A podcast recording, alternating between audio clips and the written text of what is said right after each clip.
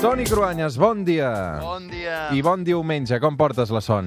Eh, fem el que podem. Sí, perquè avui t'he fet llevar una hora abans, eh? Vaja, i tu? I tu que et Sí, lleves sí. abans? No, Escolta, sí. escolta, em va agradar molt el reportatge d'Ielna, eh? Seguint els passos dels refugiats de la Guerra Civil. Moltes gràcies. Molts dies de, de feina, també de tot l'equip, o sigui que, que estem molt contents, també a través de les xarxes també respon.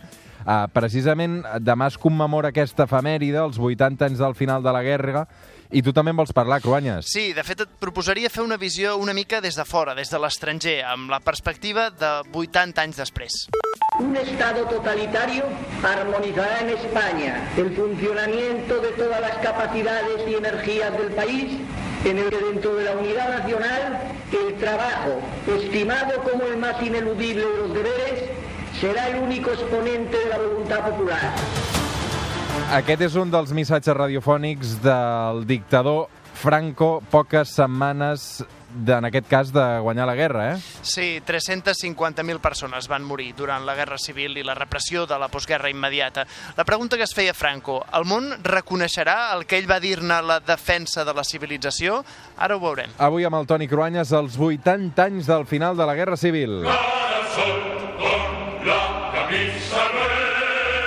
Això ho trepitjarem ràpid, no ho deixarem fer sentir gaire. Cara al sol, eh, realment, l'any 2019 va posar els pèls de punta, eh? això, sentir-ho. Doncs imagina't durant els últims mesos de la guerra, que s'havia convertit en una batalla de desgast en què els republicans intentaven tant com podien resistir-se, però les diferències internes ho feien gairebé impossible. No abandonen l'esperança que si finalment Europa comença la guerra contra el feixisme, que ja és el poder a Alemanya i a Itàlia, al final els països democràtics s'involucraran a la guerra espanyola. En canvi, Franco semblava que no tenia cap ganes d'acabar aquesta guerra. No, perquè Franco ja dominava la major part del mapa d'Espanya i la caiguda de Barcelona i, i tot el territori català a principis del 1939 aïllava València i sobretot Madrid de França i de tot el que portaven les fàbriques i la indústria de Catalunya i del País Basc. Els mesos fins a la caiguda de Madrid de Franco va tancar totes les portes a qualsevol pacte. Després de tres anys de guerra, el govern republicà va llançar la tovallola, 27 de març del 39, i la victòria finalment es va proclamar amb aquell també missatge de Nodo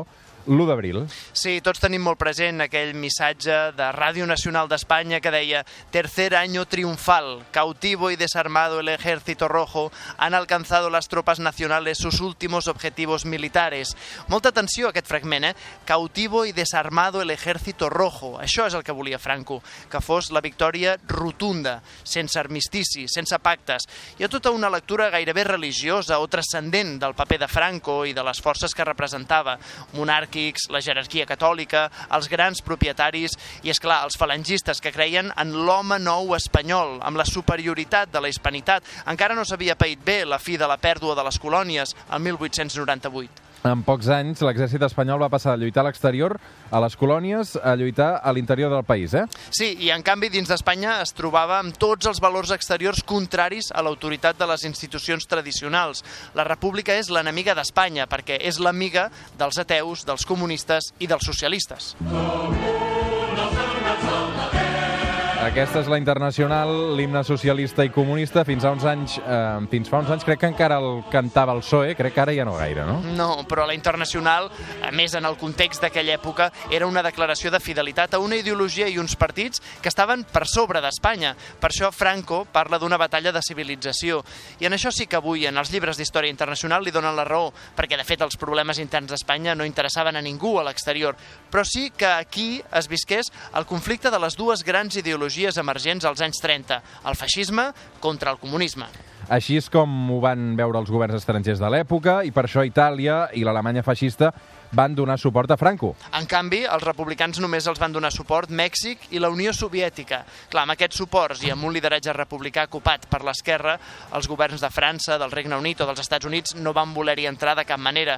Només els voluntaris internacionals, a títol individual, van venir a combatre.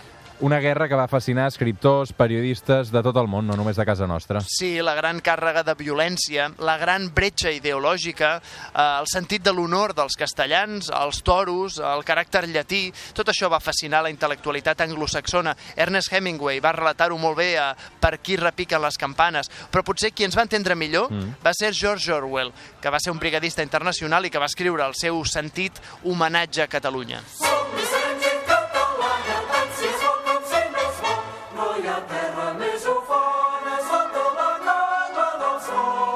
la Santa Espina, popular ara i a l'època, sobretot. Clar, és que en aquella època la Santa Espina significava doncs, um, aguantar um, la resiliència, no? La cantaven els catalans republicans de forma espontània, sota les bombes italianes, al bombardeig de Barcelona, o quan es replegaven després de les derrotes. L'ambient de la derrota, precisament, és el que millor descriu George Orwell, i també les divisions entre els anarquistes i els comunistes, i després contra els trotskistes, vaja, un front català totalment dividit, que no és cap novetat, oi?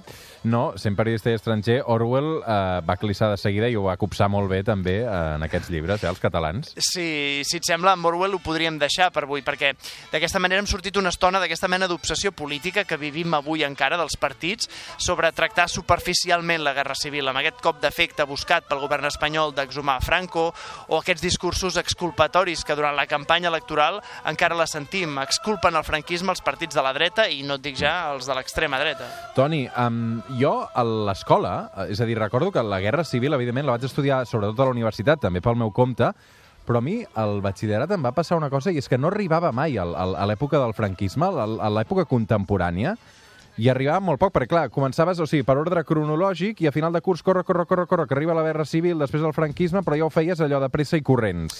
Jo crec que moltes generacions no ens han explicat a escola què és el que va ser la Guerra Civil i el franquisme immediat després de, de la Guerra Civil, no? la, la postguerra. Potser es començaria a ser hora que s'expliqués i s'expliqués bé a les escoles. O començar simplement les classes d'història a, a l'obligació, o sigui, a l'ESO, al, al, al batxillerat, al revés, no? Començar potser Començar per la enrere. contemporània, no? Sí, i anar enrere, no? Clar, clar, perquè a vegades, clar, te'n vas al segle dels segles, però potser l'últim és el que realment ha estat també més rellevant. En fi, va, avui arribarem a les 9 amb aquesta proposta. Viva la Quinta Brigada! No passaran the pledge that made them fight. Aquesta és una cançó dedicada als brigadistes internacionals que van lluitar a la Guerra Civil. És Viva la Quinta Brigada, és del cantant irlandès Christy Moore. Et sembla bé, Toni? Em sembla fantàstic. Música irlandesa, però parlant de la Quinta Brigada. Bé, bé, bé.